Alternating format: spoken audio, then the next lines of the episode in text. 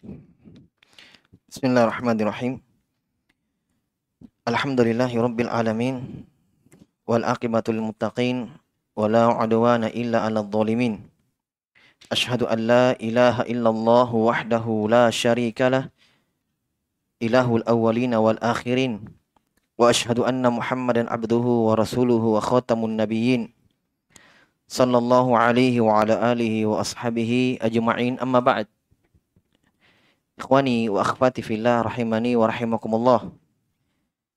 Kita ber, bersyukur kepada Allah Subhanahu wa taala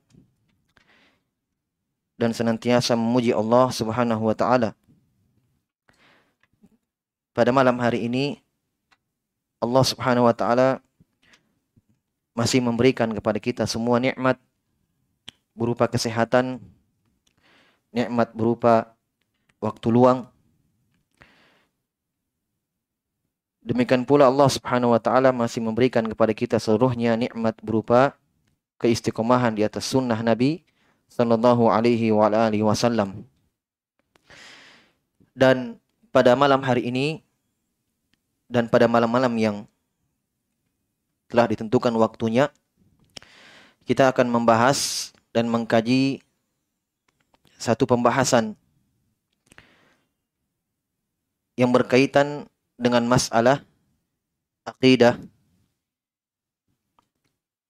permasalahan iman, dan inilah inti dari agama itu. Inilah inti dari agama itu. Dimaklumi bersama bahwa Nabi Shallallahu Alaihi Wasallam berdakwah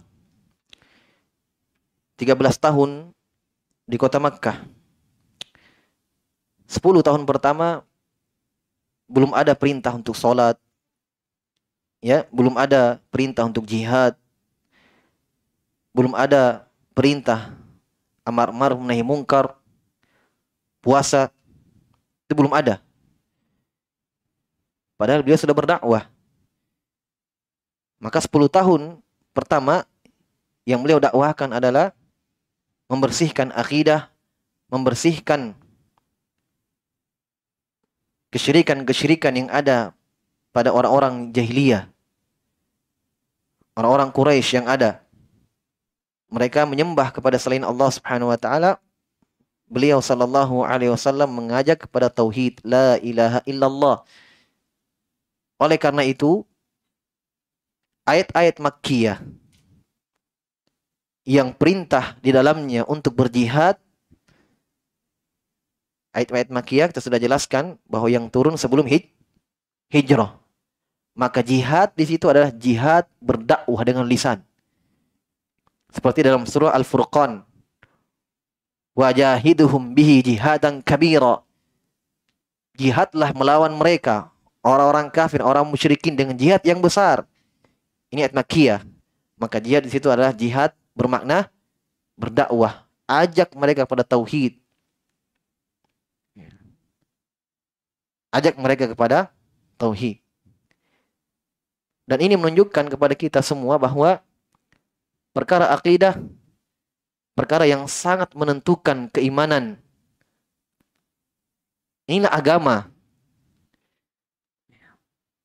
Betul bagian dari agama juga perkara-perkara muamalat, perkara-perkara ibadat bagian dari agama. Tetapi inti dari agama itu adalah perkara akidah. Ya. Karena percuma seorang beribadah kepada Allah Subhanahu wa taala salat ya. ibadah yang lainnya dia lakukan tetapi akidahnya rusak melakukan kesyirikan kepada Allah Subhanahu wa taala maka terhapus amalannya. Bagus pakaiannya ya. di atas sunnah Nabi bagus penampilannya tapi akidahnya akidah yang rusak akidah yang batil misalnya dia meyakini Allah Subhanahu wa taala di mana-mana di semua tempat atau tidak di atas, tidak di bawah, tidak di kanan, tidak di kiri, tidak di depan, tidak di belakang. Ini akidahnya, ini yang dia yakini. Dan dari akidah-akidah yang rusak yang lainnya. Maka dari sinilah sebagai seorang muslim yang mengaku di atas sunnah Nabi Shallallahu Alaihi Wasallam hendaknya memperhatikan perkara ini dan terus menerus mempelajarinya. Tidak bosan-bosan mempelajarinya. Olehnya itu Allah Subhanahu wa taala berfirman dalam Al-Qur'an walladzina amanu walam yalbisu imanahum bizulmin ulaika lahumul amnu wa hum muhtadun. Kata Allah orang-orang yang beriman dan tidak mencampurkan keimanannya dengan kezaliman. Kata Allah Subhanahu wa taala mereka lah orang-orang yang mendapatkan keamanan dan mereka lah orang-orang yang mendapatkan petunjuk. Perhatikan Allah Subhanahu wa taala memuji orang-orang yang beriman di dalam ayat ini. Orang-orang yang beriman kata Allah dan tidak mencampurkan keimanannya dengan kezaliman. Dari sini kita mengambil ilmu bahwa betul-betul dia beriman kepada Allah Subhanahu wa taala, akidahnya benar. Sampai kata Allah tidak mencampurkan akidahnya, keimanannya yang suci itu dengan kezaliman. Kata Allah Subhanahu wa taala, mereka lah orang-orang yang mendapatkan keamanan, lahumul amnu wa hum muhtadun. Wa hum muhtadun. Keamanan di sini kata para ulama al-amnul mutlak. Keamanan mutlak. Mutlak artinya aman di dunia, aman di alam barzakh, aman di akhirat. Di dunia aman dari apa? Aman dari bencana. Aman dari kerusakan-kerusakan. Aman dia ten jiwanya tenang. Tidak dia takuti. Ya. Keamanan, nikmat aman. Nabi Ibrahim alaihissalam berdoa, wa idh qala Ibrahimu Rabbi ja'al hadzal balada aminan. Wa janubni wa baniya an na'budal asnam. Allah berfirman Nabi Ibrahim berdoa, "Ya Allah, jadikanlah negeriku negeri yang aman." Itu kota Makkah. Doa pertama Nabi Ibrahim alaihissalam. Allah kabulkan doanya. Wajnubni wa baniya an na'budal asnam dan jauhkanlah saya dan keturunanku dari menyembah berhala. Perhatikan, yang beliau minta pertama kali adalah keamanan. Aman dari gangguan, aman dari iya, pertakutan, aman dari musibah-musibah, bencana-bencana, aman. Dan jauhkanlah saya dan keturunanku dari menyembah berhala. Nabi Ibrahim alaihissalam takut dengan kesyirikan kepada Allah, takut berbuat kesyirikan dia dan keturunannya. Allah kabulkan, diberikan keturunan yang saleh Nabi Ismail, Nabi Ishak. Nabi Ibrahim, kata para ulama, dari ayat ini hendaknya kita takut dengan kesyirikan. Nabi Ibrahim ya yang digelari dengan Abu Tauhid, bapak tauhid, tetap takut dari dosa kesyirikan. Iya. Makanya dalam kitab Tauhid dibahas pembahasan-pembahasan tentang tauhid, hal-hal yang menyempurnakan tauhid itu apa, hal-hal yang membatalkan tauhid itu apa. Dijelaskan semuanya dalam pembahasan tauhid. Ini agar betul-betul kita memahami tauhid, iman kepada Allah dengan benar. Bukan hanya kita tahu tauhid itu apa, iman itu apa, kita harus tahu pembatalnya kita harus tahu hal-hal yang mencacati tauhid itu. Ya, dari sinilah kita mengatakan kita tidak boleh berhenti dan terus belajar. Ya. Para sahabat mengatakan di depan Nabi Shallallahu Alaihi Wasallam, masya Allah wa syi'ta. Para sahabat mengatakan masya Allah wa syi'ta. Ini kehendak Allah dan kehendakmu ya Rasulullah. Kata Nabi, tinggalkan ucapan itu. Ucapan kalian ini mengandung kesyirikan. Para sahabat loh. Kenapa mengandung kesyirikan? Perhatikan ucapannya. Masya Allah wa syi'ta. Ini kehendak Allah. Itu ketika mereka ditolong oleh Allah. Menang dalam peperangan. Diselamatkan. Mereka senang. Kata mereka. Masya Allah wa syi'ta. Ini kehendak Allah ya Rasulullah. Dan kehendak kamu. Kata Nabi bahaya ucapan kalian. Tinggalkan. Tapi ucapkanlah Masya Allah. Tumma syi'ta. Artinya Masya Allah wasyikta. Ini kehendak Allah dan kehendak kamu ya Rasulullah. Di sini ada makna unsur-unsur kesyirikan. Menyamakan, menyetarakan kehendak Allah dan kehendak Nabi Sallallahu Alaihi Wasallam. Sama. Sementara Allah berfirman, lam yalid walam yulad walam yakul lahu ahad. Tidak ada tandingan untuk Allah Subhanahu wa taala. Nabi ajarkan yang benar katakan masya Allah summa syi'ta. Ini kehendak Allah kemudian baru kehendak kamu. Ini di bawah kehendak Allah Subhanahu wa taala. Ini para sahabat yang duduk bersama Nabi, belajar bersama Nabi, tetap ya, butuh belajar Bahkan kata Nabi SAW, Asyirku akhafu min dabibin namli fi dhulmatil lail. Kata Nabi dalam sebuah hadis yang sahih, kesyirikan itu lebih samar daripada langkah semut hitam dalam kegelapan malam. Samar. Kita pelajari sampai di mana? Oh ini syirik ini berdoa kepada kuburan, minta kepada orang yang sudah meninggal. Sebatas itu kesyirikan yang kita tahu. Harus kita belajar betul. Abu Waqid Al-Laythi baru masuk Islam. Baru masuk Islam, baru mengucapkan syahadat. Jalan bersama Nabi. Lihat orang musyrikin gantung bidara, gantung senjatanya setelah berperang melawan sahabat. Setelah perang, gantung senjatanya di pohon bidara. Di pohon bidara. Kira-kira apa? Habis perang, senjatanya digantung di pohon bidara. Kira-kira kenapa digantung di situ?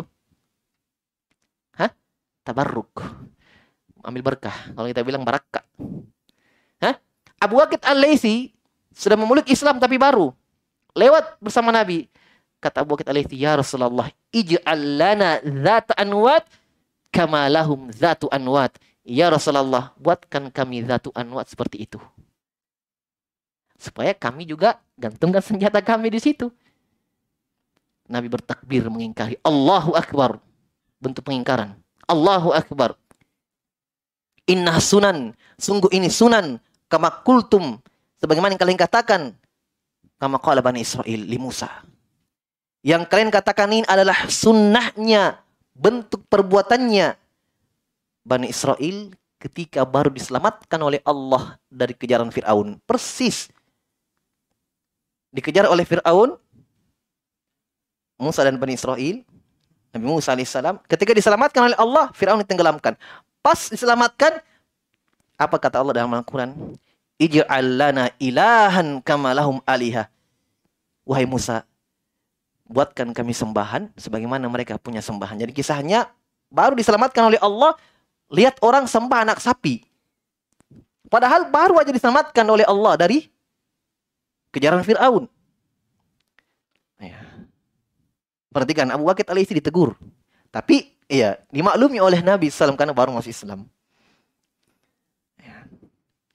Dan dia juga belum berbuat kesyirikan, baru min minta dibuatkan pohon bidara seperti itu. Ya. Jelas ya?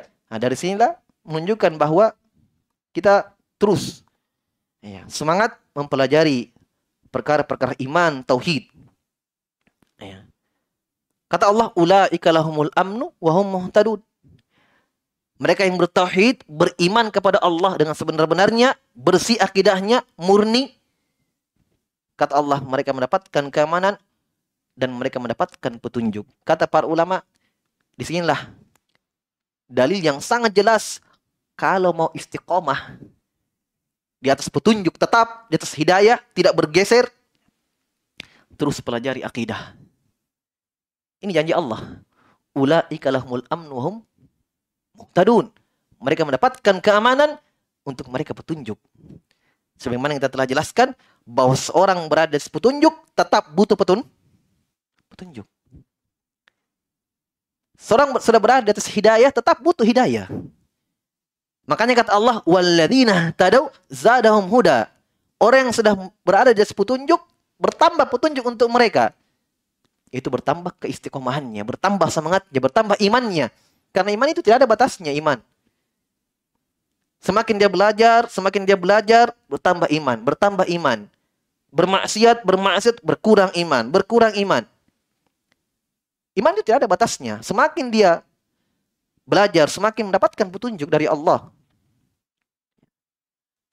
Mungkin kita pernah dengarkan ucapan Imam Syafi'i. Imam Syafi'i mengatakan, saya semakin belajar, semakin banyak hadits yang saya dengarkan, saya semakin bodoh. Ditanya kenapa? Iya jelas karena saya dengarkan hadits yang dulu saya tidak pernah dengar. Berarti semakin saya dengarkan hadits, semakin merasa bodoh. Ini dulu saya tidak dengar, saya dengarkan hadits dari guru guru saya. Berarti saya bodoh. Dulu saya tidak tahu ini hadits. Ya. Semakin bertambah ilmu, semakin bertambah iman. Nah, makanya para sahabat membahasakan belajar bersama Nabi duduk di majelis Nabi. Katanya apa? Ta'alau nu'min sa'ah. Kata para sahabat, ayo kemari kita belajar, kita beriman sesaat. Kita beriman sesaat. Maksudnya mereka membahasakan bahwa duduk di majelis Nabi, belajar agama, itu bentuk keimanan. Bertambah iman, walaupun sesaat saja. Apalagi perkara yang kita pelajari, perkara seperti ini. Seputar rukun iman. Pembahasan akidah. Dengan mempelajari tauhid, keimanan kepada Allah, seorang semakin bertambah takutnya kepada Allah, semakin bertambah tawakalnya kepada Allah, semakin bertambah harapannya kepada Allah. Itu tauhid dan keimanan. Terus diperbesar, diperkuat. Kenapa orang bermaksiat? Kata Ibnu Qayyim, iya karena pengenalannya terhadap Allah kecil. Kenapa orang berbuat dosa? Kata Ibnu Qayyim rahimahullah karena belum mengenal Allah dengan sebenar-benarnya Kata Allah, mereka belum mengenal Allah, belum membesarkan Allah dengan sebesar-besar pengagungan, belum.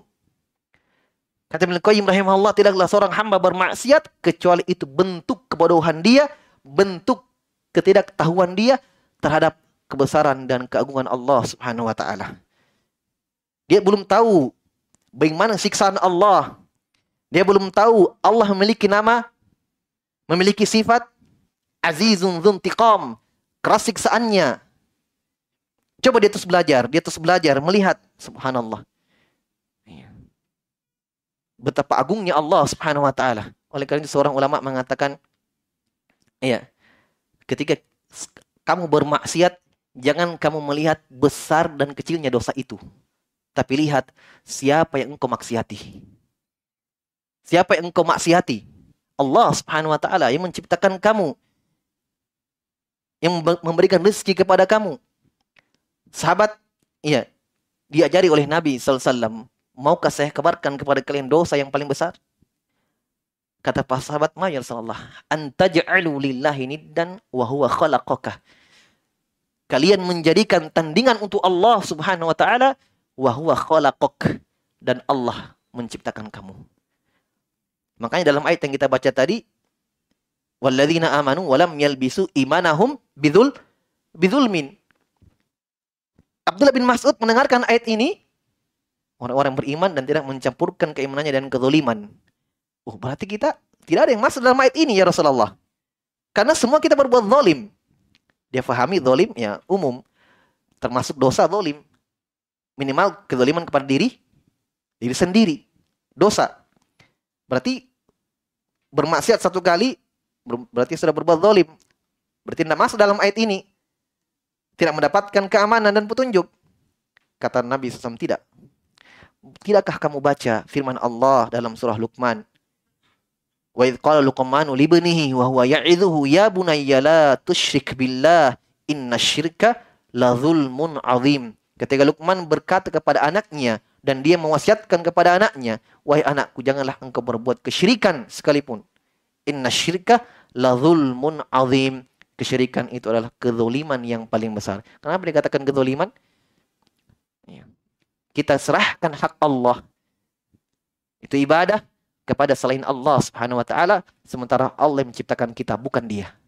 Berarti zalim menempatkan sesuatu bukan pada tempatnya. Itulah zalim. Itulah syirik dikatakan zalim. Bahkan kezaliman yang paling besar. Nah, berarti ayat ini Nabi tafsirkan dengan surah Luqman. Berarti orang-orang yang beriman dan tidak mencampurkan keimanannya, tauhidnya dengan kesyirikan. Bersih murni. Ya, itulah ikhlas. Karena ikhlas itu dari asal penggunaan bahasa Arab. Ikhlas itu sesuatu yang bersih. Ya. Makanya dikatakan emas itu emas murni. Iya, emas yang khalis, murni. Karena sudah dibakar, sudah disaring, jadilah emas murni, belum ada, tidak ada campurannya.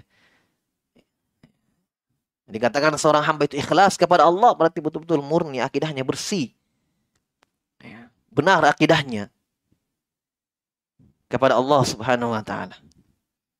Nah, ini ya akan yang kita yang uh, kita akan bahas kita akan mencoba membahas dan kita pilih satu buku yang ditulis oleh ulama terdahulu. Ya, yang lahir pada tahun 541 Hijriah. Yang kita kenal dengan Ibnu Qudamah. Rahimahullah dalam bukunya Lum'atul I'tiqad. Lum'atul I'tiqad. Ya. Sebelum kita mulai membaca buku ini, bisa antum dapatkan di PDF ini ada banyak.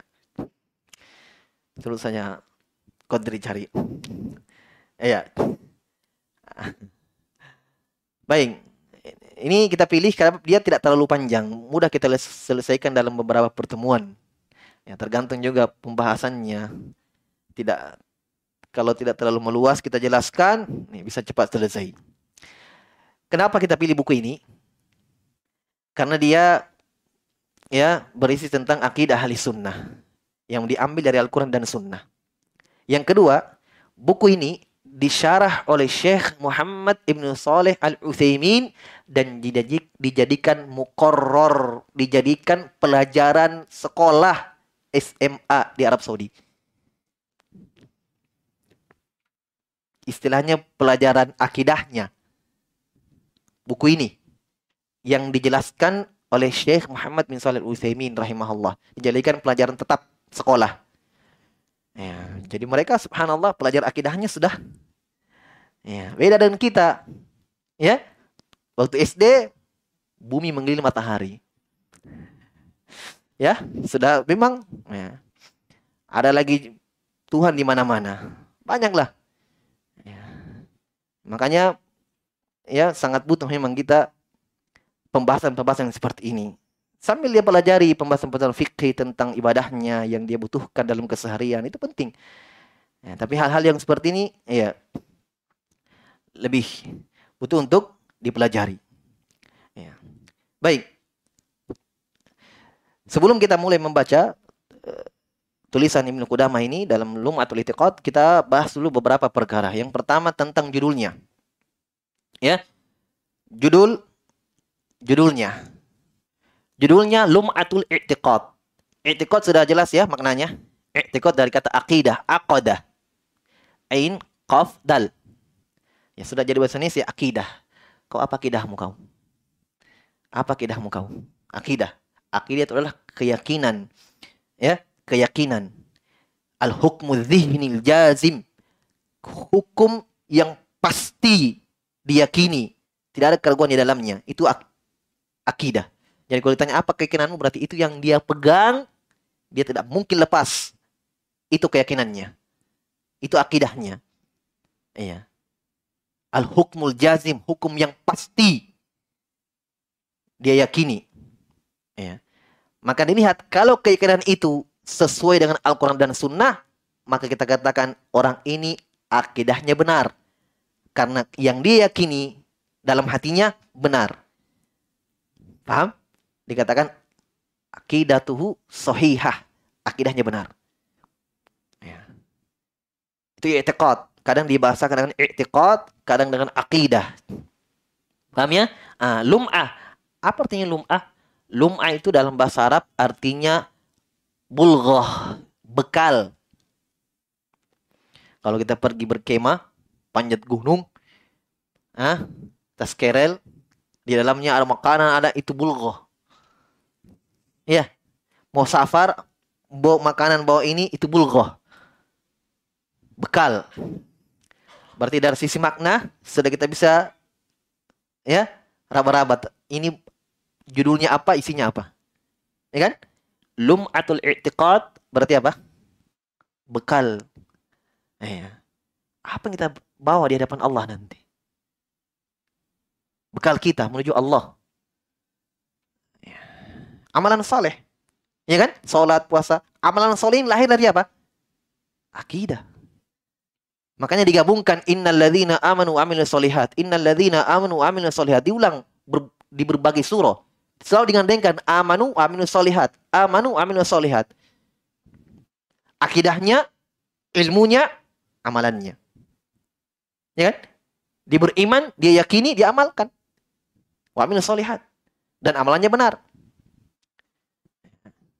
Jadi lum'atul itiqad bermakna bekal berupa akidah yang benar.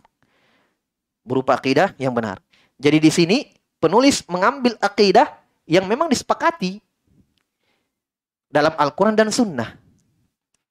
Ya. Bukan dari kantong beliau, bukan dari dan kalau kita melihat memang akidah turun temurun itu di, diriwayatkan. Ya. Turun temurun, jangankan hadit fikih ibadah sholat, adab saja mereka mereka riwayatkan. Diriwayatkan oleh Imam Abu Daud. Kata beliau, karena Ahmad yushabbah bi Daud, Abu Daud. Imam Ahmad mirip dengan gurunya Abu Daud. Karena Daud yushabbah bi syekhihi Mu'tamir. Abu Daud mirip dengan gurunya Mu'tamir. Mu'tamir mirip dengan gurunya dalam akhlaknya, perbuatannya ya, kepada gurunya. Terus sama sampai mirip dengan gurunya Abdul bin Mas'ud. Sampai diriwayatkan Abdul bin Mas'ud adalah manusia yang paling mirip dengan Nabi SAW. Perbuatan ya gerak-gerik jalan mereka saling meriwayatkan juga mirip apalagi kalau perkara-perkara akidah ya.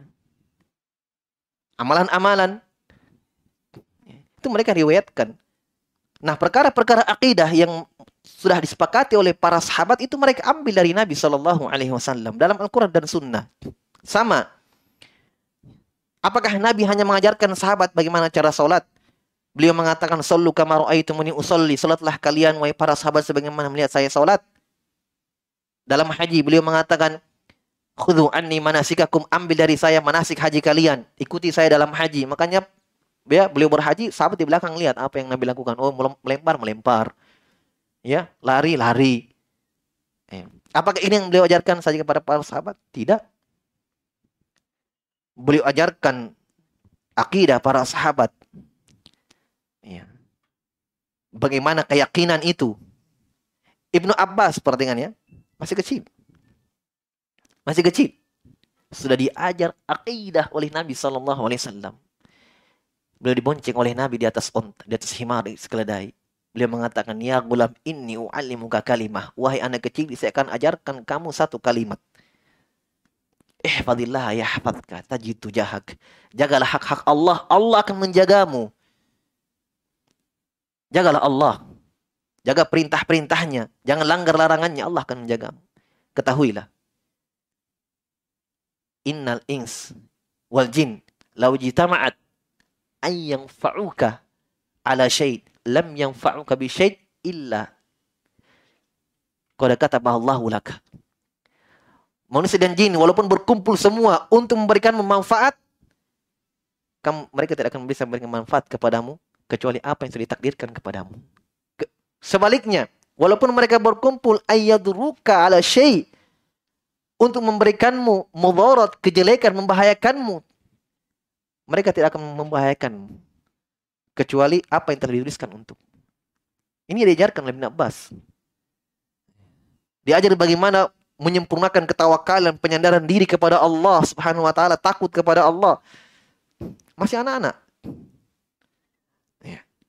Makanya wajar anak-anak para sahabat tumbuh menjadi pejuang-pejuang sunnah. Kuat. Ketika ada fitnah, ketika ada kuat mereka. Karena sudah dididik, sudah digembleng oleh Nabi SAW dari kecil. Dengan akidah yang benar, tawakal bagaimana, takut bagaimana. Kan tidak ada mereka takuti selain Allah. Umar bin Khattab bagaimana?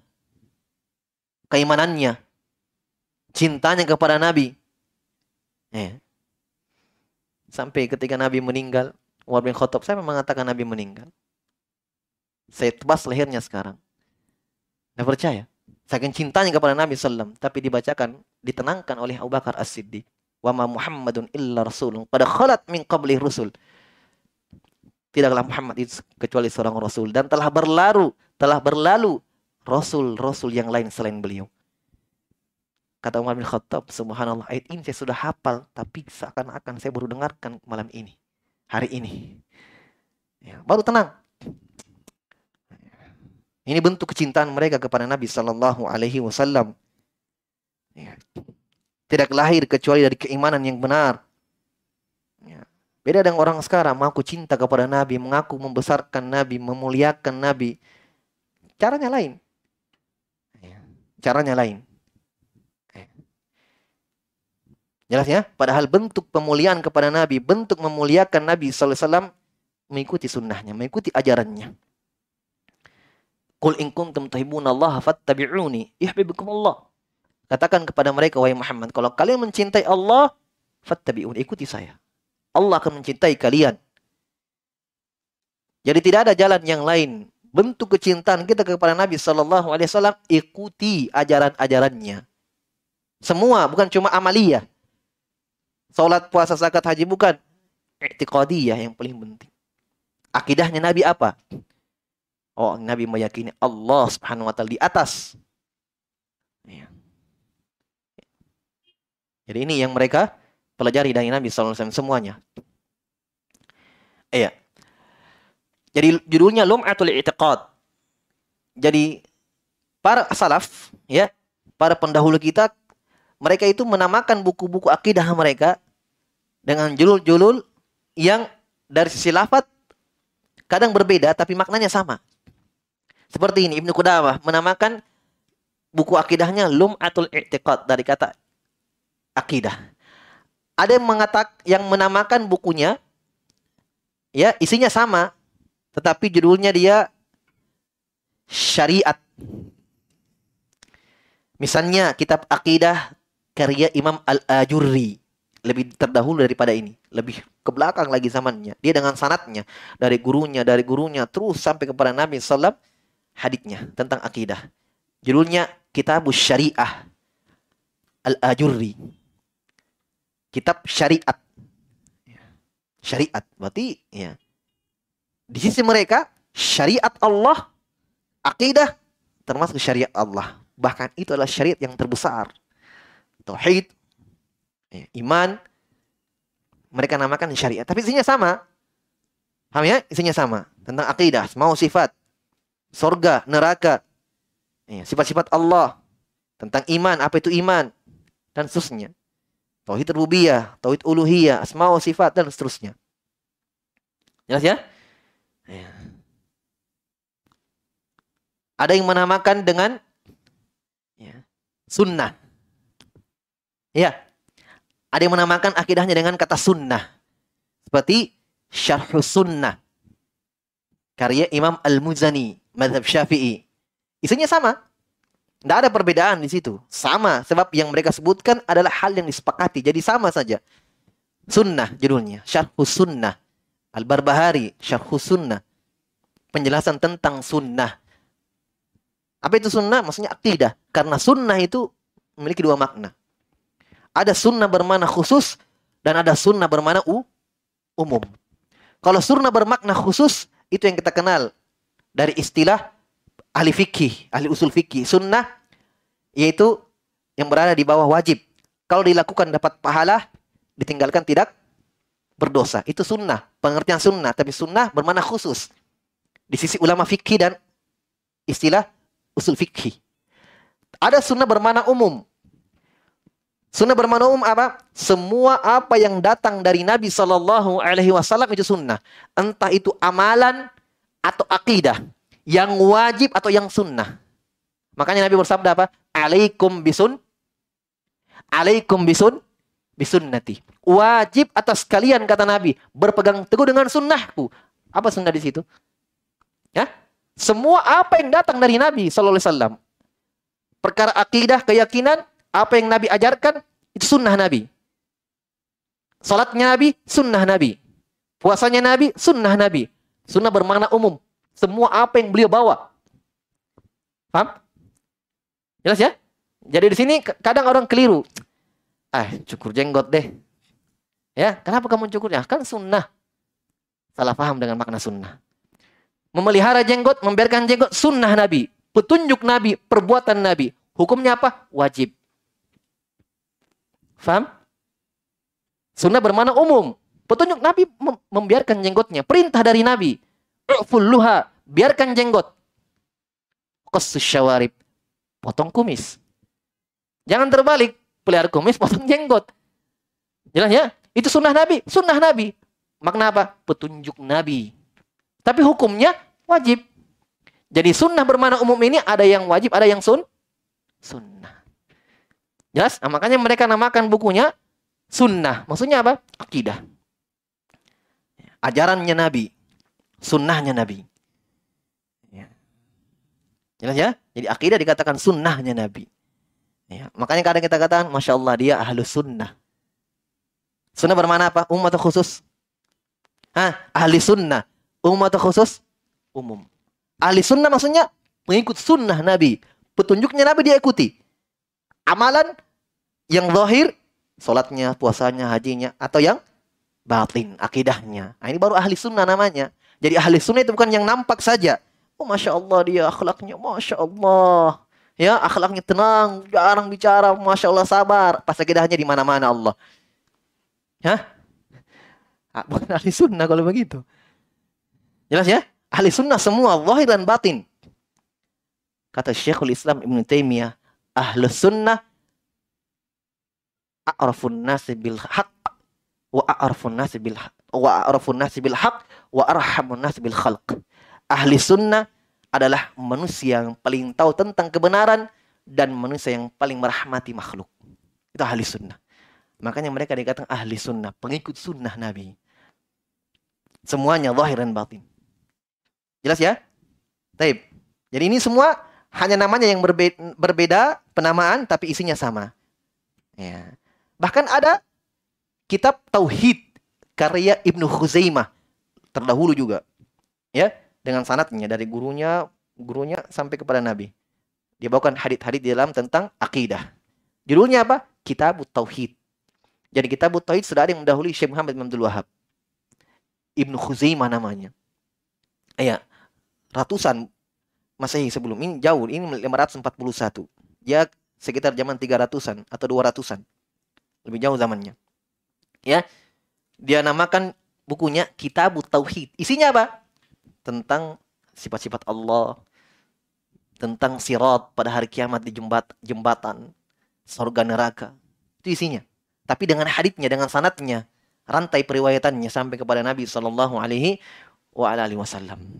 Nah, dari sini kita melihat bahwa para ulama juga ketika menulis buku-buku akidah berbeda-beda bentuknya, torikohnya, jalannya, caranya. Ada yang langsung menyebutkan poin-poin akidah seperti ini yang kita baca nanti. Jadi misalnya dia sebutkan bahwa ya sorga dan neraka adalah makhluk Allah yang Allah ciptakan dan sudah ada dan kekal. Ini langsung poin akidah disebut. Paham? Ada yang juga menulis buku akidah dalam bentuk syair. Ada. Tapi isinya semua sama. Seperti misalnya anaknya Abu Daud. Ada Ibnu Abi Daud, namanya Abu Bakar. Ibnu Abi Daud. Ada kitab akidahnya, Ha'iyah. Bentuknya syair. Bait-bait syair. Tapi isinya sama keyakinan tentang ya jembatan surga dan neraka tentang Allah tidak beranak dan tidak diperanakkan terus sebutkan dalam bentuk syair. Nah, ada juga yang tulis buku akidah dalam bentuk sanat. Nah, ini lebih ya lebih jelas lagi karena dia dengan sanatnya dia bawa dari gurunya, gurunya, gurunya sampai kepada Nabi haditnya bahwa Allah turun di sepertiga malam terakhir. Seperti itu bentuknya. Jelas ya? ya tapi semuanya sama intinya kita ya pelajari bahwa akidah mereka dari turun apa dari dulu ya turun temurun dari guru ke muridnya terus itu sama ya tidak ada perselisihan di dalamnya sebab memang ini perkara pokok inti dari i'tiqad seorang hamba keakidahnya ini lumatul i'tiqad judulnya kemudian tentang isinya ini pendahuluan yang kedua tentang isinya judulnya lumatul i'tiqad isinya tentang apa isinya tentang akidah ahli sunnah wal jamaah. Itu isinya. Ya. Dan kita harus mengetahui bahwa para salaf ya, para salaf ketika mereka menulis akidah, buku-buku akidah itu landasan mereka dua. Ini penting untuk kita ingat. Jadi buku apa pun yang kita baca dari ulama terdahulu atau sekarang, sekarang juga ada buku akidah ditulis ya. Misalnya Syekh Muhammad bin Saleh Al Utsaimin ada kitab akidahnya tipis. Judulnya Akidah Ahli Sunnah wal Jamaah. Bisa dibawa-bawa. Ya. Berarti ini ulama belakangan. Jelas ya? Ulama terdahulu ini di antaranya. Nah ini kalau mereka tulis buku-buku akidah, maka landasan mereka dua. Tidak keluar dari dua ini. Yang pertama, pembahasan seputar yang berkaitan dengan rukun iman yang enam. Paham? Jadi kalau kita buka, buka, buka apa pun akidah, buka. Siapa pun pengarangnya. Di atas sunnah, ulama terdahulu atau sekarang, pasti pembahasannya tidak keluar dari itu. Dibahas tentang tauhid, ya, uluhiyah, rububiyah, semua sifat. Ini bagian rangkaian iman kepada Allah. Allah. Ya kan? Karena beriman kepada Allah tidak dikatakan iman kepada Allah sampai dia mengimani empat perkara. Jadi rukun iman ada. Iman kepada Allah ada rukunnya lagi. Ya kan? Iman kepada Allah rukunnya empat. Beriman tentang rububiyah Allah, perbuatannya. Ya, tidak ada tandingan dalam perbuatan. Seluruh perbuatan Allah, Allah bersendirian di dalamnya. Uluhiyah. Kita yakini bahwa Allah subhanahu wa ta'ala hanya Allah yang berhak disembah. Yang ketiga, asma, ya, wasifat. Ya. Yang terakhir, kita mengimani bahwa Allah itu ada. Yang pertama, yang tiga itu setelahnya. Yang pertama kita meyakini Allah itu mewujud. Ada. Nah, ini rukun iman kepada Allah Subhanahu wa taala. Ini jadi ini bahas dalam buku akidah. Iman kepada malaikat, kitab-kitab, kepada rasul, pada hari akhirat. Ah, tentang takdir. Makanya kalau buku-buku akidah kita buka selalu ada pembahasan tentang tak takdir. Tentang takdir. Kenapa? Karena itu rukun iman yang enam. Paham ya? Sekarang saya tanya, pembahasan tentang sorga dan neraka ada dalam buku akidah. Ini masuk dalam apa? Rangkaian berapa? Rangkaian beriman kepada hari akhirat. Nah, jelas ya? Jembatan pada hari kiamat akan dipasang. Dan ini akidah ahli sunnah. Rangkaian beriman kepada apa? Akhirat. Dibahas tentang Al-Quran bukan makhluk. Al-Quran sifat Allah, firman Allah. Pembahasan tentang apa? Iman kepada ki, kitab Allah. Bisa masuk juga pembahasan iman kepada Allah, sifat-sifat Allah. Ini yang dibahas. Paham? Landasan pertama. Landasan kedua, kadang ada keluar dari ini, landasan pertama, tapi dia masuk dalam landasan yang kedua. Apa itu? Yaitu mereka sebutkan dalam buku-buku akidah perkara yang sudah menjadi ciri khas ahli sunnah membedakan mereka dengan ahlul bidah. Contoh, tentang keimanan dengan para sahabat. Tidak boleh mencela sahabat, ya, tidak boleh melaknat sahabat, ya.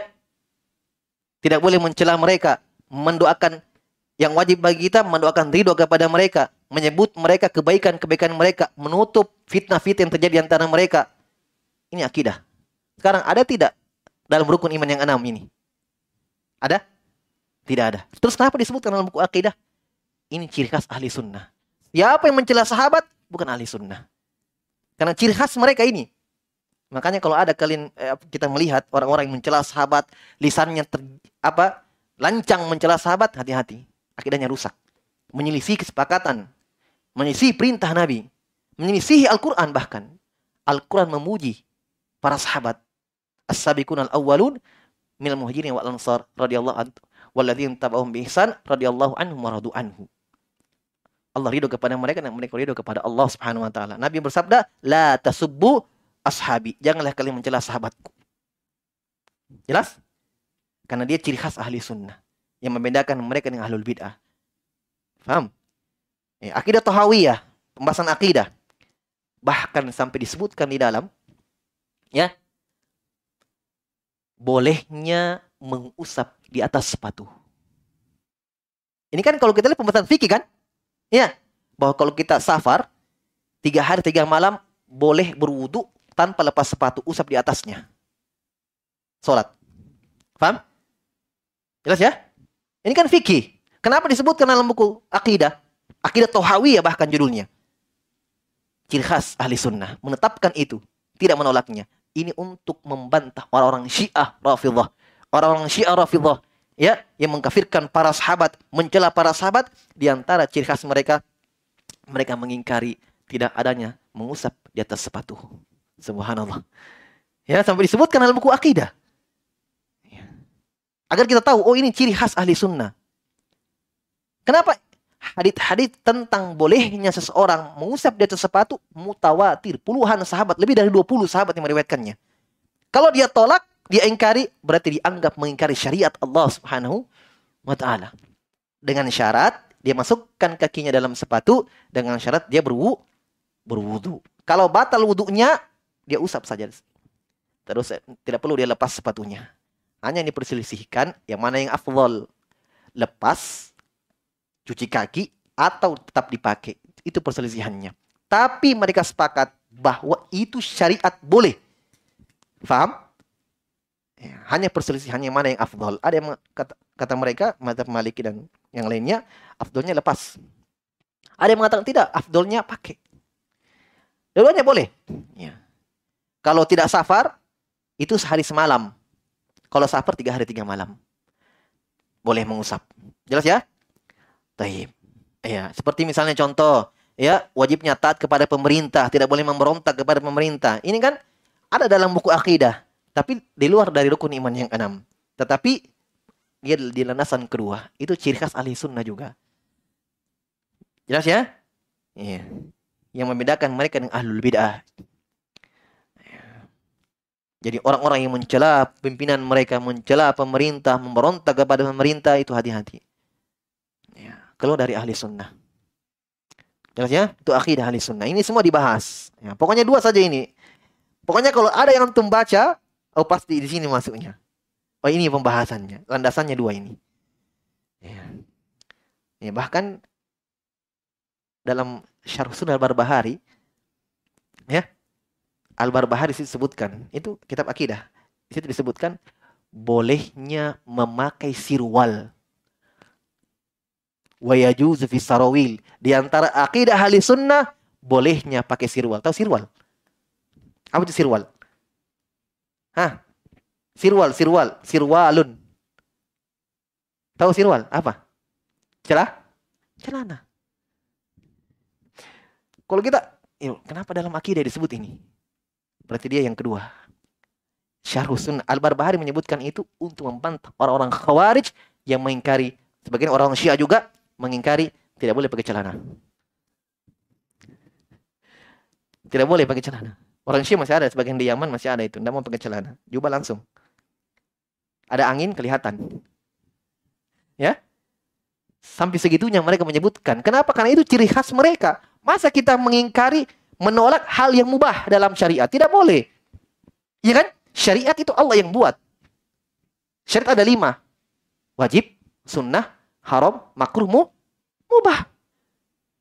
Sesuatu yang mubah tidak boleh kita haramkan. Memangnya kami buat syariat. Ya, sekarang kan menentang Allah. Tidak boleh pakai sirwat. Boleh. Celana boleh. Selama tidak men ya, menampakkan aurat. Itu larangan yang lain. Tapi asalnya boleh. Ya. Selama pakaian itu bukan pakaian ciri khas orang-orang kafir, ya, tidak ada bentuk tasyabuh dengan mereka, silahkan. Jelas ya? Taim. Sudah? Jadi ini secara umum isi ya buku-buku akidah dari para immatus salaf, para ulama. Ya. Baik. Peneluan yang berikutnya tentang pengarangnya. Jadi judulnya sudah, isinya secara umum sudah tentang pengarangnya. Pengarangnya ya dia terkenal dengan Ibnu Kudamah. Ya, Ibnu Kudamah. Itu bukan namanya ya, itu uh, gelarnya, lakopnya. Ya, ya kan? Kadang kan kita punya lakop ya. Jadi kita itu ada nama, ada kunyah, ada lakop. Lakop itu gelar. Jelas? Ya. Contoh Umar, namanya Umar bin Khattab. Kunyahnya Abu Abu Hafsin Ahsan Tumbarakallahu fi. Gelarnya Al Faruq. Lakop itu namanya. Al Faruq pembeda. Ya. Abu Bakar kunyah. Kunyah itu di, di awal dengan Abu. Laki-laki Abu. Kalau perempuan Ummu. Ummu fulana, Ummu Ummu. Itu kunyah namanya. Ada ismun, ismun itu nama. Nabi ya, perintahkan takannau, berkunyalah kalian. Sunnah itu berkunyah. Nama beliau Muhammad sallallahu alaihi wasallam, kunyahnya Abdul Qasim. Abu Bakar As-Siddiq namanya Abdullah, kunyahnya Abu Bakar. Gelarnya As As-Siddiq. Paham ya? Nah, ini yang terkenal beliau Ibnu Qudamah ini gelarnya. Namanya ya kunyahnya Abu Muhammad, namanya Abdullah bin Ahmad bin Muhammad Ibnu Qudamah. Ya. Lahir pada tahun 541 di bulan Sya'ban di Palestina. Di tep tepatnya di kota Jama'il. Palestina dulu itu Palestina disebut dengan Syam. Palestina, Suria, Yordania dan sekitarnya itu Syam dulu. Nanti sekarang baru terpecah-pecah menjadi beberapa negara. Dulu Syam yang Muawiyah radhiyallahu anhu di sana. Jelas ya? ya? Dan subhanallah dulu itu tempatnya lahir para imam. Para ulama ya, di Syam sana. Ya. Syekhul Islam bin Taimiyah, Ibnu Qayyim muridnya dari sana semua. Ya. Taib. Jadi kunyah beliau Abu Muhammad gelarnya Muwaffaquddin. Muwaffaquddin. Kita kan ini gelar. Ya, ada Alimuddin, Taqiyuddin, Nuruddin. Ya, ini gelar. Din itu artinya agama. Nasiruddin. Ya, jadi ada artinya itu. Kalau Nasiruddin, penolong agama. Jelas? Muwaffaquddin, orang yang diberi taufik dalam agama. Taqiyuddin, Lakop Ibnu orang yang bertakwanya dalam agama. Ini lakop. Faham? Nah, nah, sekarang ulama membahas boleh tidak berlakop dengan lakop seperti itu. Karena mereka sebutkan lakop ini tidak dikenal di kalangan para sahabat. Tidak ada sahabat yang berlakop dengan lakop itu. Din-din. Jamaluddin. Ya, Nuruddin. Ya, ada din-dinnya. Artinya bagus, tapi kata para ulama, bahkan sebagian mereka menganggap haram. Kenapa? Ada bentuk tazkiyah. Merekomendasi diri. Kata Allah, "Fala tuzakku angfusahum." Janganlah kalian merekomendasi mensucikan diri-diri kalian. Merekomendasi diri kalian. Nasiruddin, penolongnya agama. Ya kan? Bentuk rekomendasi diri. Makanya tidak kenal di kalangan salaf. Nanti muncul di belakangan. Iya. Nah, makanya ulama membahas, boleh tidak? Ada yang mengatakan haram, berlaku dengan laku seperti itu. Ada yang mengatakan makruh. Maksudnya makruh boleh tapi ditinggalkan lebih afdal. Paham? Nah, ditinggalkan lebih afdal. Apalagi kalau itu sudah menjadi namanya.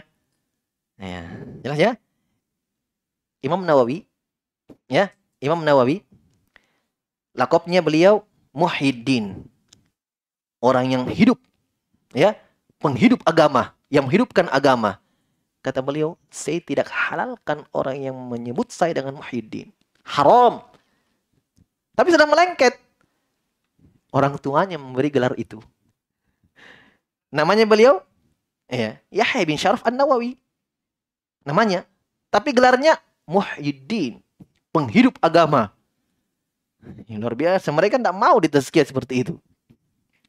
Nah, dari situ ulama menganggap oh berarti sebagian salaf ya menganggap itu mereka tidak suka.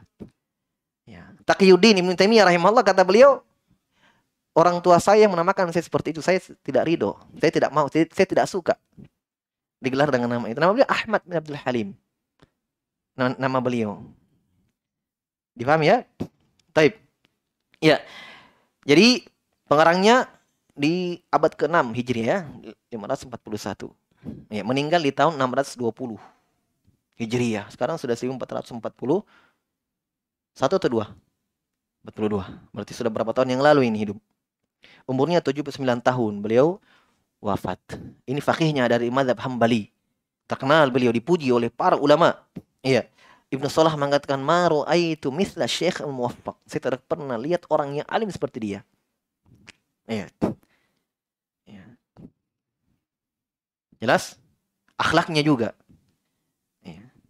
Kata dia rahimahullah, la yunadiru ahad illa wa tabassam.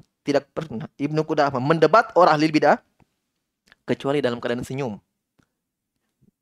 Subhanallah mendapat ahli bidah dalam masih senyum-senyum. Kalau kita mungkin wah sudah. Ya? Orang yang menyebarkan bid'ah tapi beliau rahimahullah yang terkenal dengan alim ya alimnya dari mazhab Hambali fiqih. Buku fikih beliau rujukan umat Al-Mughni. Itu beliau sebutkan fikih madhab dari empat madhab Al-Mughni terkenal sekali itu buku ya tidak ada perpustakaan perpustakaan mahat mahat masjid masjid yang di situ diajarkan ilmu agama ya kebanyakannya ada buku itu. Memang rujukan fikih. Empat madhab disebutkan semua. Puluhan jilid, tiga puluh atau lebih. Itu buku beliau rahimahullah ta'ala. Dipahami ya? Taib. Sudah masuk untuk Isya? Fadal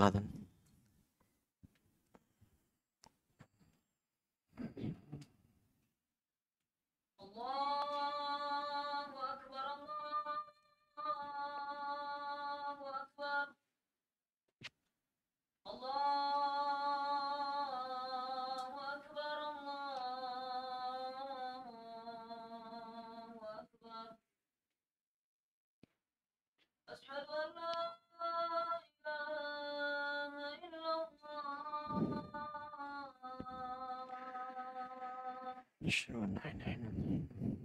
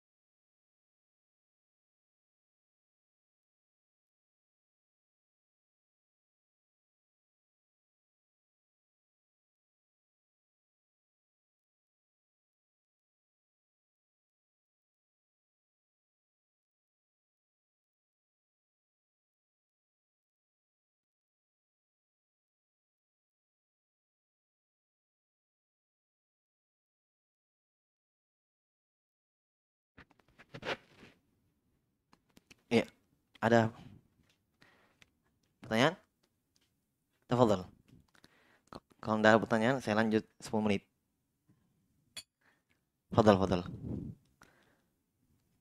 Ya.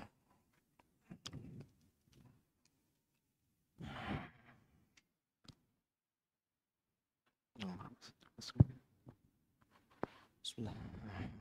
Uh, yang mau saya tanyakan, bagaimana para salaf mempelajari ilmu agama? Apakah ada strategi-strateginya atau bagaimana? Masya Allah. Ini pertanyaan ya berbobot pertanyaan antum ini. Bisa, daur satu hari. ya kan bahkan ada itu bukunya. Ada yang tulis ditulis buku masalah ini khusus bagaimana metode salaf dalam belajar. Ya, seperti Al-Khatib Al-Baghdadi dua jilid tebal. Jami fi akhlaqi rawi wa adabi sami. Kitab yang mengumpulkan tentang adab-adab belajar, metode belajar dari rawi-rawi hadis. Dua jilid. Akhlaknya bagaimana? Bagaimana mereka mengambil hadis dulu di depan guru bagaimana? Banyak. Tapi secara umum bahwa ya mereka kalau kita itlakkan kalimat salaf, ya itu penting antum tahu dulu. Kalimat salaf ini kan identik dengan para pendahulu kita, kan begitu? Ya, jadi kalau aslafus salaf, salaf yang paling salaf adalah para sahabat. Jadi salaf itu kan pendahulu. Jadi salah kalau sebagian dai mengatakan salaf itu baru. Eh, kamu yang baru berapa umur 50 tahun kamu belum belum ada. Salaf sudah ada, kamu mulai salaf sudah ada. Ya kan? Nabi mengatakan kepada anaknya Fatimah, "Ya Fatimah, nikmat salaf ana laki." Wahai Fatimah, sebaik-baik salaf untuk kamu saya. Saya salafmu, kata Nabi. Pendahulumu. Paham? Jadi kalau kita katakan salafi, ya, berarti dia nis, yaknya itu nisbah. Penyandaran kepada salafi. Paham? Makassar, Makassari. Atau orang Makassar, Makassari. Paham? Ya. Buton, butoni. Itu nisbah, penyandaran kepada asalnya. Nah sekarang kalau salafi, berarti dia menyandarkan diri, saya pengikut salaf. Tidak ada salah. Kata Syekhul Islam Taimiyah, la aiba li, la aiba liman azhara bimadhabis salaf. Tidak ada aib, bukan kekurangan, bukan aib bagi orang yang menyandarkan dirinya kepada salaf dan menampakkan akidah salaf. Itu yang harus dilakukan. Nah, orang yang menyandarkan kepada sunnah, kepada sunnah, sunni. Paham? Jadi kalau salaf berarti para sahabat. Paham ya? ya lihat metode bagaimana para sahabat belajar. Para sahabat belajar. Lihat bagaimana Nabi mengajarkan mereka.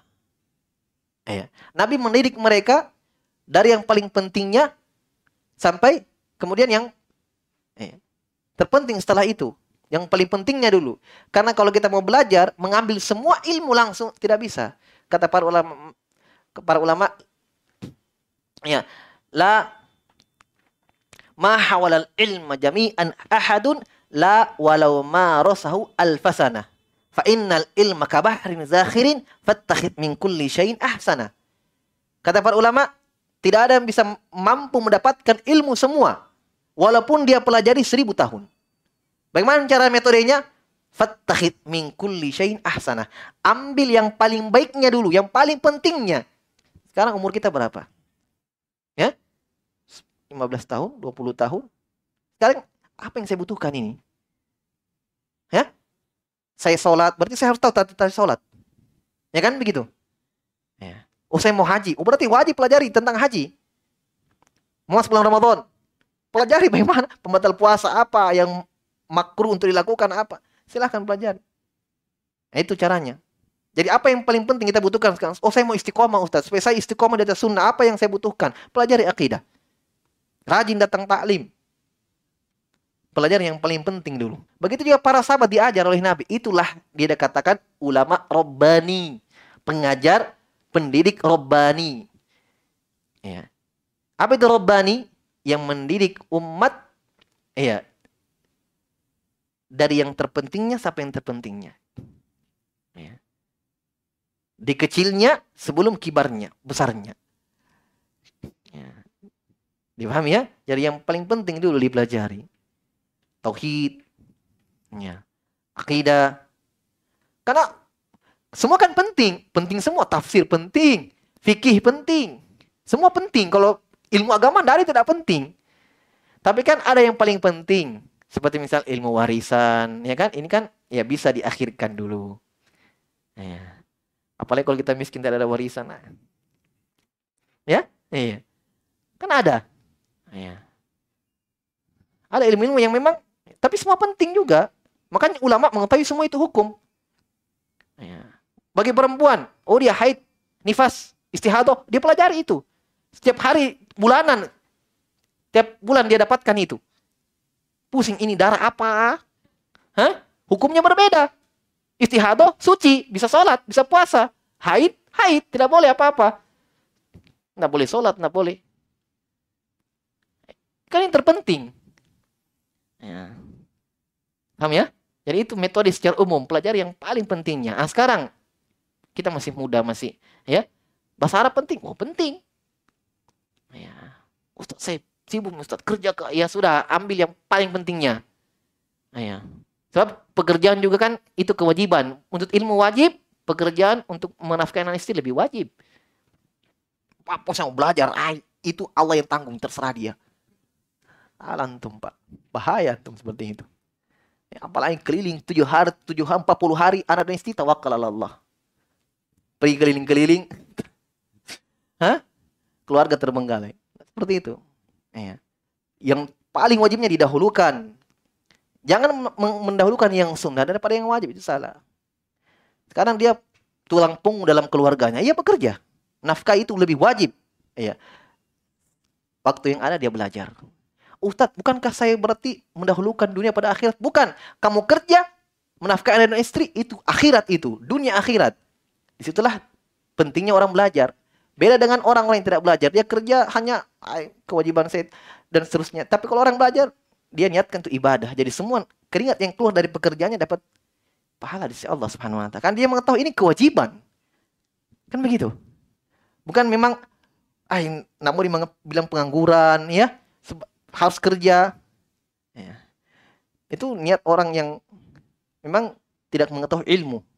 Tapi kalau orang yang berilmu dia tahu bahwa semua langkah kakinya semua di atas ilmu. Makanya kata Imam Ahmad dan Ibnu Qayyim juga mengatakan seorang hamba membutuhkan ilmu agama melebihi dari kebutuhan dia dari makan dan minum. Paham ya? Ini sudah. Misalnya dia butuh bahasa Arab misalnya.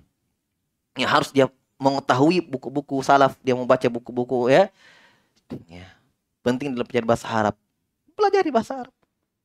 Lihat juga keadaan diri. Kan begitu. Nah, di sini ada satu perkara yang saya ingin ingatkan. Ketika kita pelajari satu masalah atau satu bidang ilmu, satu yang kita tekuni, jangan ada istilah tidak bisa, tidak faham. Ini dikhawatirkan kata para ulama ini was-was dari syaitan apa bisikan-bisikan syaitan agar dia tidak belajar. Paham? Usaha yang kita sudah lakukan, duduknya kita ya di situ, mendengarnya kita di situ, itu sudah terhitung ibadah. Langkah kaki kita ke situ ternilai ibadah. Makanya orang belajar itu duduk saja. Wah, jangan tidak paham Ustaz. Duduk saja, jangan mundur. Duduk dengar. Dulu ada seperti ini, dua orang. Yang satu memang belajar di depan Nabi, yang satunya ikut-ikutan. Ya Rasulullah, teman saya itu dulu saya ikut-ikutan tidak. Kata Nabi, hadal majlis la yashqa fihim jalisuhum. Majlis ilmu seperti ini tidak ada orang yang merugi duduk di situ. Majlis yang tidak pernah merugikan siapa pun. Faham? Ustaz bisa Ustaz, pusing ke belajar bahasa Arab. Ah, tidak ada. Saya paham. Keluar, masuk telinga kanan, bukan keluar telinga kiri, mentul. Keluar tinggal kanan kembali. Langsung mundur. Apalagi belajar bahasa Arab itu paling betul-betul. Bukan cuma antum yang rasakan itu. Di Yaman guru bahasa Arab kami banyak awalnya. Terakhir cuma tiga orang. Syekh Mukbil rahimahullah. Belajar di Saudi. Dia jelaskan dalam bukunya. Saya belajar bahasa berapa Syekh bersama Syekh guru kami. Syekh Al Uhaid. Awalnya banyak. Terakhir tinggal sendiri, kata Syekh Mukbil. Tinggal sendiri. Pergi yang lain. Tapi berhasil Syekh Mukbil. Saya tidak kenal Syekh Mukbil, ulama besar negeri Yaman. Kesabarannya. Ya kan? Tahu pernah dengar? Nafi' murid senior Imam Malik. Eh, Nafi' ya, guru dari Imam Malik. Murid senior Ibnu Umar. Tabi'in. Majelisnya berapa orang? Dua orang. Perhatikan itu. Eh. Tapi demikian para salaf. Makanya ada dalam bahasa Arab itu isinya muntaber. Mundur tanpa berita. Ya, awalnya semangat, pas sudah satu kali buntu, mundur. Padahal terus diusaha. Ada kisah dari Imam Al-Kisai. Imam Al-Kisai ini ahli kiroah dan ahli bahasa Arab. Sama, kisahnya seperti itu. Seperti yang kita alami. Tapi takdir beda. Imam Ali Kisai buntu juga. Belajar tidak masuk, belajar tidak masuk, belajar tidak masuk. Pulang, itu lihat semut kisahnya. Ya, Al-Khatib Al-Baghdadi sebutkan dalam buku tadi yang sebutkan Nujilid ada di situ kisahnya. Imam Ali Kisai. Dilihat semut memikul beban jatuh lagi. Panjat tembok beban yang dia bawa lebih berat daripada semutnya. Jatuh. Tapi lama kelamaan lihat berhasil. Kata Imam Kisai, subhanallah semut berusaha terus. Mas saya juga kalah. Terus dia belajar. Jadi imam. Subhanallah. Ibn Hazm 40 tahun baru belajar. 40 tahun baru belajar. Eh. Jadi tidak ada tua mas saya Ustaz. Tidak ada istilah. Eh. Belajar saja, terus. Ibnu Hazm jadi ulama di Andalus, Spanyol. Di perut ibunya dia satu tahun dikandung. Ciri-ciri jadi ulama. Subhanallah. 40 tahun. Tahu kisahnya dia belajar? Dia bodoh awalnya. Dia datang sholat. Di masjid. Dia langsung duduk. Dia tegur. Hei, yang sunnah kamu datang sholat. Dia sholat. Besok dia datang lagi, dia sholat. Tapi di waktu terlarang. Walaupun ini pendapat yang lemah. Eh, kamu tidak boleh sholat di waktu sekarang, dilarang. Habis asar tidak boleh sholat sunnah. Kata Ibn Hazm, kemarin saya duduk dilarang. Hari ini saya sholat dilarang juga. Kalau begini saya harus belajar. Saya boleh belajar. Siapa yang kenal Ibn Hazm rahimahullah? Jelas ya? Terlalu banyak kisah-kisah seperti itu. Makanya saya bilang tadi butuh dauro. Terlalu banyak kisah-kisah seperti itu yang dari para ulama bagaimana kesabaran mereka, bagaimana ya keseriusan mereka, tapi jadi a'immah. Ya. Jangan cukup misalnya begini saat deh. Ay. Nabi mendidik kita tidak seperti itu. Kata Nabi SAW, Ida sa'altum, Ida sa'altal jannah fas'ali firdaus. Kalau kalian minta surga, minta yang paling tinggi. Kata para ulama, di sini Nabi mengajarkan kita punya himma yang tinggi. Semangat. Ya, tapi demikianlah, ya. Berbeda-beda, semak, uh, tergantung keimanan. Ya, Allah berikan keimanan itu bertingkat-tingkat kepada seorang hamba. Dzalika fadlullah yutihi may yasha. Wallahu dzul fadl azim. Itulah keutamaan dari Allah yang Allah berikan kepada hambanya. Ada yang memang semangat, ada yang ya, ya tapi ingat bahwa yaumul akhirah pada hari kiamat semua orang menyesal. Makanya dikatakan hari kiamat hari penyesalan. Orang-orang kafir jelas menyesalnya. Kenapa dulu dia ada beriman? Orang yang beriman masuk surga menyesal juga. Kenapa? Oh ternyata dia lihat di surga subhanallah ada lebih bahagia daripada saya. Ya kan? Lebih tinggi tingkatannya daripada saya. So bagaimana di dunia. Bagaimana semangatnya di atas ilmu agama. Bagaimana amalannya. Bagaimana keimanannya. Tergantung. Oh dulu kenapa saya tidak berbanyak? Kenapa saya tidak rajin belajar? Kenapa? Nyesal. Nah sekarang kan masih kita diberi umur, kesempatan. Manfaatkan. Apa yang ada. Kita hidup itu berprinsip. Dia kalahkan kita dari satu. Ya, kalahkan dia kalahkan kita dari satu. Ya. Kita harus menang. Kita kalahkan dia dari satu sisi. Ada orang Masya Allah rajin puasa sunnah. Saya tidak mampu. Oh baik. Saya kalahkan kemudian malam. Ya. Kan masing-masing ada orang yang Allah bukakan pintu kebaikan ini yang kuat dia. Bersedekah. Dia diberi harta. Masya Allah. Orang yang miskin tidak bisa. Tapi lihat para sahabat. Para sahabat dalam hadith orang-orang miskinnya muhajirin datang kepada Nabi. Ya Rasulullah, Zaba ahlud dusur bil ujur. Ya Rasulullah, orang-orang kayanya muhajirin, mereka bawa pulang pahala yang besar. Kata Nabi, kenapa kau mengeluh? Ya Rasulullah, yusalluna kama nusolli. Mereka solat, kami solat. Mereka puasa, kami puasa. Mereka berjihad, kami berjihad. Mereka bersedekah, kami tidak. Karena dia orang kayak kita orang miskin ya Rasulullah. Kata Nabi, maukah saya kabarkan kepada kalian satu amalan yang kalau kamu amalkan amalan ini, kamu sama dengan mereka. Kecuali kalau mereka juga amalkan ini amalan. Apa Rasulullah? Kamu baca setelah habis sholat, subhanallah, walhamdulillah, Allahu Akbar. Semua 33 kali. Kamu amalkan ini. Maka sama. Coba.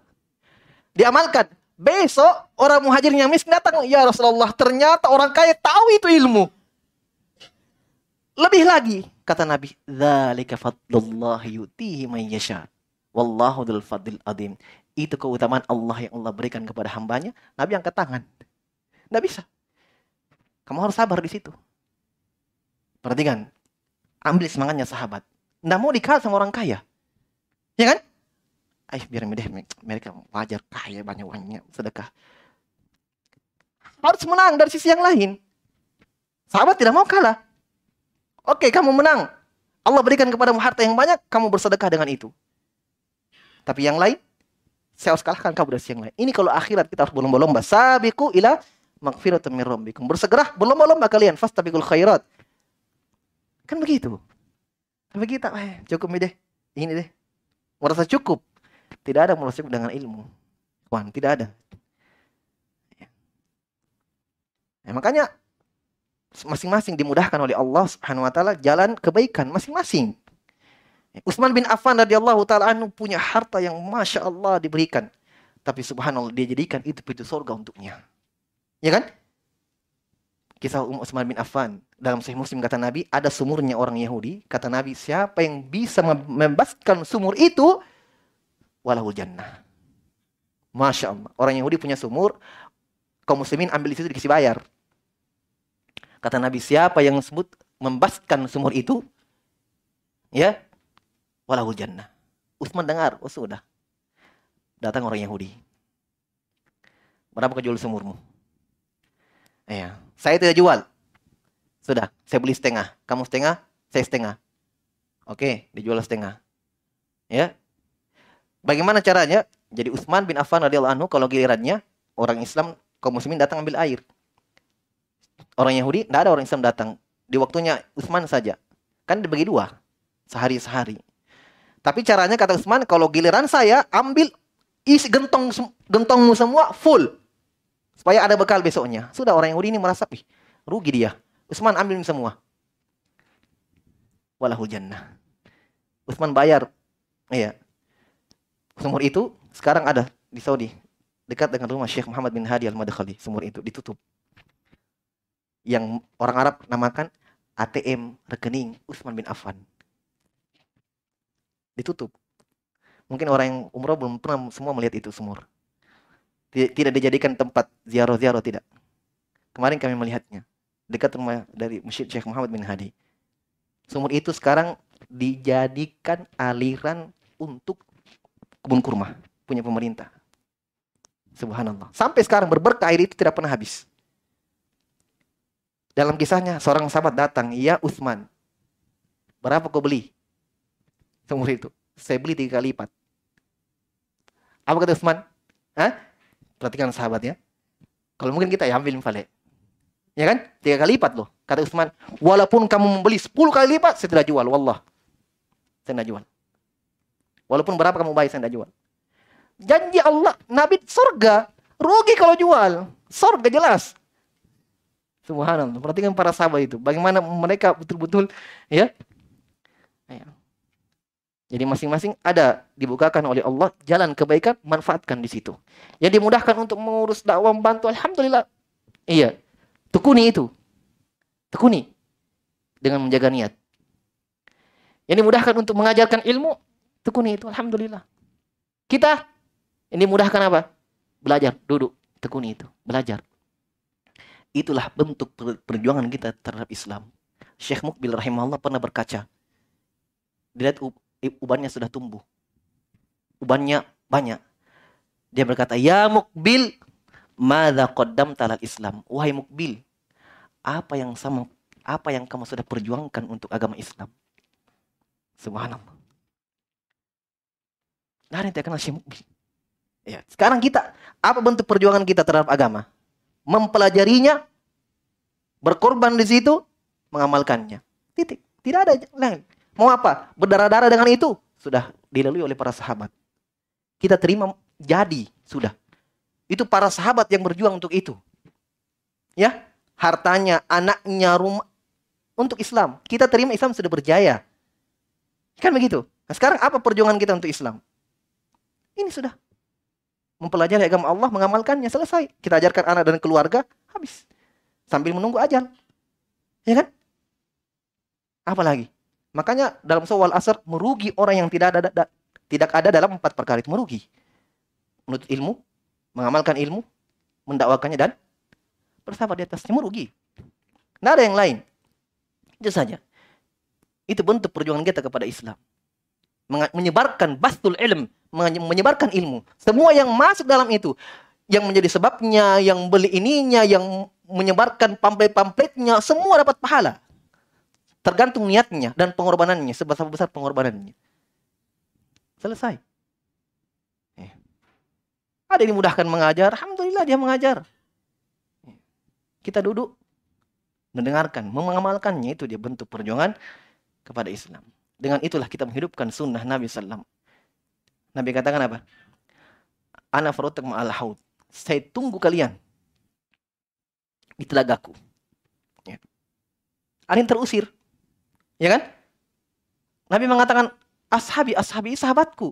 Umatku, umatku. Kata Nabi, dikatakan kepada beliau, innaka la tadri ma'ahdathu ba'da. Kamu tidak tahu, Muhammad, apa yang mereka buat, yang mereka ada-adakan setelah kamu meninggal. Siapa yang terusir? Ahlul bid'ah, orang-orang yang di, keluar dari jalannya Nabi SAW. Siapa yang terusir? Orang-orang munafikin yang menampakkan keislaman, menyembunyikan kekufuran. Siapa yang terusir? Di antara penafsirannya, ahlul ma'asi. Pelaku maksiat. Rugi kita. Ya, Nabi sedang menunggu kita di telaganya. Berbangga-bangga pada hari kiamat dengan umat yang banyak. Tapi subhanallah yang terusir. Ini kita khawatirkan. Jangan sampai kita merugi dengan ru- kerugian yang sangat besar. Jelas ya? ya. Jadi dengan ini, iya. Hendaknya kita betul-betul mengerahkan seluruh kemampuan kita. Dengan apa yang Allah mudahkan untuk kita. Itu saja. Ya. Tetapi ingat. Ya, niat dijaga, luruskan niat. Ya, makanya Syekhul Islam Ibnu Taimiyah rahimahullah, saya memperbarui Islamku setiap hari. Tahu maksudnya? Ya? Berusaha betul-betul melawan, meluruskan niat setiap hari sampai dia, beliau bahasakan saya perbarui Islamku setiap hari. Kenapa? Tahu Syekhul Islam Ibnu Taimiyah rahimahullah, tidak ada waktunya habis sampai meninggal belum menikah. Tapi yang bujang jangan berdalil dengan Ibnu Taimiyah tidak mau menikah ya. Syekhul Islam Ibnu Taimiyah meninggal belum sempat menikah. Kenapa? Umurnya habis mengajarkan agama, membantah ahlul bidah dengan buku-bukunya, berjihad melawan bangsa Tatar. Habis sampai dia kirim surat kepada ibunya. Ibunya tinggal di negeri yang lain. Dia beliau di Mesir. Kirim surat, wah ibuku maafkan aku, saya tidak bersamamu untuk berbakti kepadamu. Ibunya dengan ilmu dan iman yang ada, dikirim surat kembali. Apa kata ibunya? Saya lebih suka kamu di situ, yang jelas kamu bermanfaat untuk Islam dan Muslimin. Daripada kamu di sini, kamu tidak berbuat apa-apa. Coba. Ya. Makanya kata para ulama, di antara bentuk karomah wali-wali Allah, Syekhul Islam Ibn Taimiyah. Umurnya cuma 61 atau 62. Satu perpustakaan di Yaman sana, perpustakaan masa maktabah seperti ini luasnya. Hanya bukunya semua. Karangannya. Umurnya cuma berapa?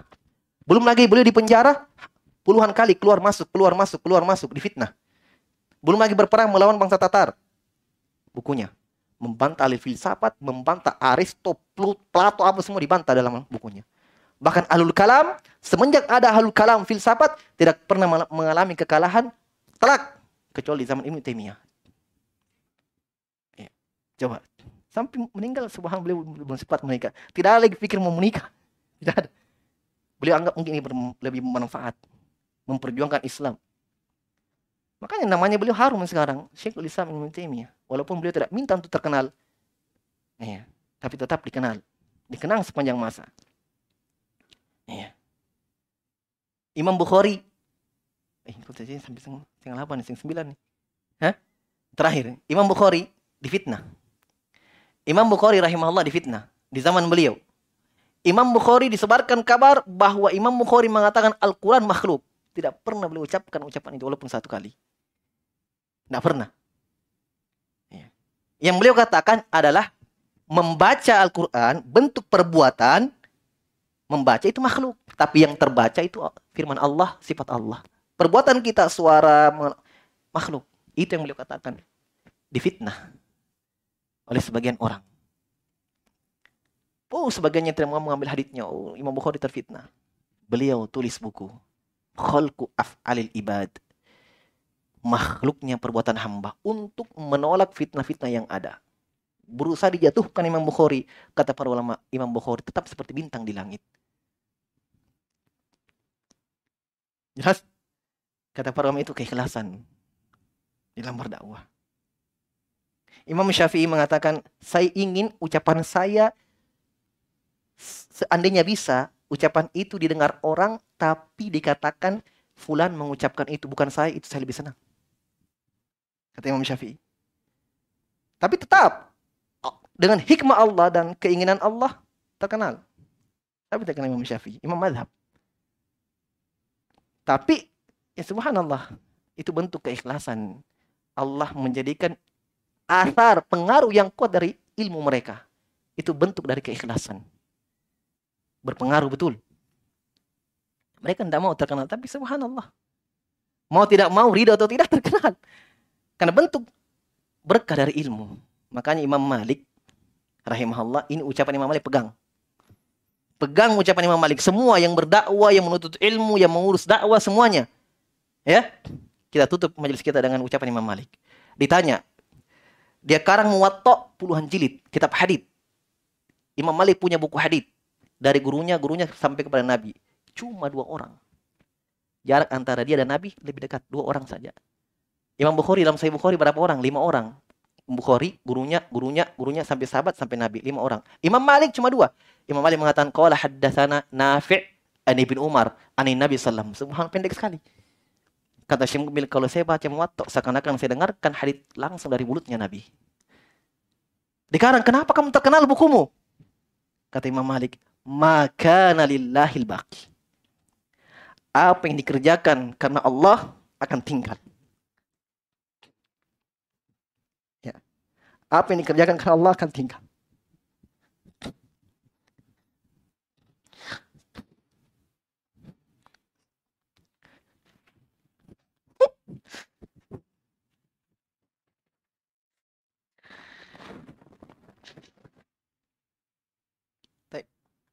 Subhanakallah wa bihamdika